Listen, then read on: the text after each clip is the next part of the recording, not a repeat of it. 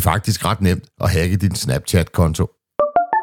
Cyberværet med IT-sikkerhedseksperten Leif Jensen. Velkommen til Cyberværet for uge 9. Inden vi går i gang med at tale om Snapchat, så vil jeg godt lige afmystificere nogle af de ellers lidt dramatiske avisoverskrifter, der har været blandt andet hen over weekenden og i slutningen af sidste uge, hvor man kunne læse, at nu var Forsvarsministeriets hjemmesider blevet hacket, og her i weekenden, der var flere lufthavne, som var udsat for massive hackerangreb. Der var altså tale om de her DDoS-angreb, som vi har talt om før. Det allermest simple angreb i bogen, som ikke kan betegnes som et hackerangreb, fordi det ikke hacker noget som helst. Det overbelaster bare de services, der nu er i den anden ende. Og har man ikke beskyttet sig imod det, hvilket ikke er særlig svært, ja, så kan hjemmesiderne være utilgængelige. Så du bør altså ikke sidde og være bekymret over, om Danmark nu er ved at blive hacket. Nå, men nu er det jo Snapchat, vi skulle snakke om. Der er stadig flere og flere, der bruger det her sociale medie, ikke mindst i målgruppen af unge mellem 18 og 24 år. Og faktisk så ser vi mange, der er endnu yngre, som bruger det her sociale medier. Derfor er det heller ikke underligt, at lige præcis Snapchat er et oplagt mål for svindlere og hacker. Her der kigger jeg lidt nærmere på det, vi ofte kalder for shoulder surfing, navngivet efter den metode, hvor folk kigger over dine skuldre for at se, hvad du laver, eller for at stjæle følsomme informationer, såsom kodeord, pindkoder eller lignende.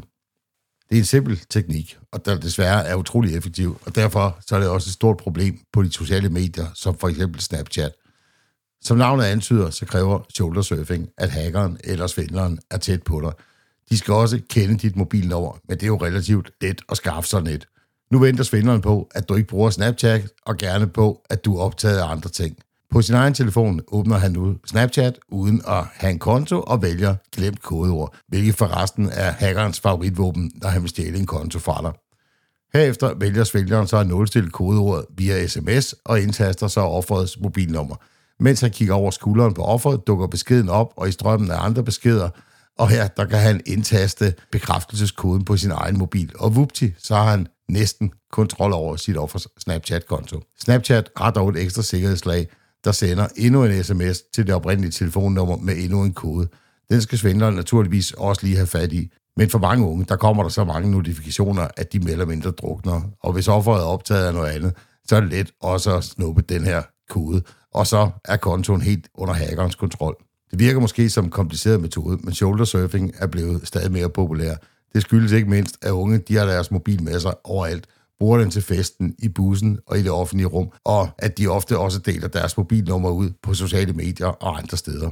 Desværre så er det ikke så let at få kontrollen tilbage over din Snapchat-konto. Det kommer i høj grad an på, hvad hackeren har ændret ved den stjålne konto. Hvis både kodeord, telefonnummer og mailadresse er ændret, og der måske endda er tilføjet en tofaktorgodkendelse, er der ganske få muligheder for at få konto tilbage. Og firmaet bag, de er altså ikke så lette at få til at hjælpe. Men de har dog et link, hvor du måske kan få lidt hjælp. I stedet for at genskabe din Snapchat-konto, så er det bedre, at du sikrer den. Udover et stærkt kodeord, så bør du også aktivere to-faktor-godkendelse i Snapchats indstillinger. At bruge den via sms er ok, men som jeg allerede har beskrevet, så løser det ikke problemet med shoulder surfing.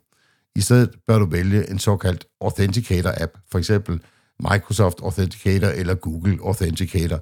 På den måde, så kan en shoulder surfer ikke opfange en kode, der sendes til dig. Herudover, så skal du sikre dig, at din smartphone den er låst, hvis du forlader den, selv kortvarigt.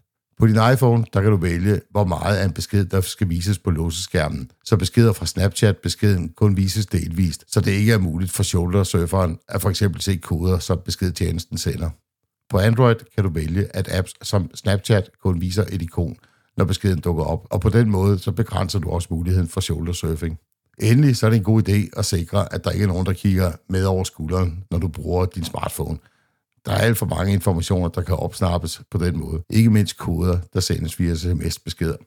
Og nu sidder jeg så lige og tænker på, at jeg har tit oplevet, at der er nogle mennesker, som når de lægger deres telefon på bordet, så lægger de den med skærmen nedad. Og jeg sidder umiddelbart og tænker, ej, det riser der skærmen, det der.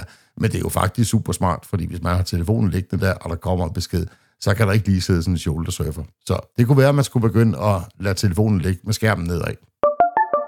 Det var alt, hvad jeg havde for cyberværet i den her uge. Vi høres ved igen i næste uge.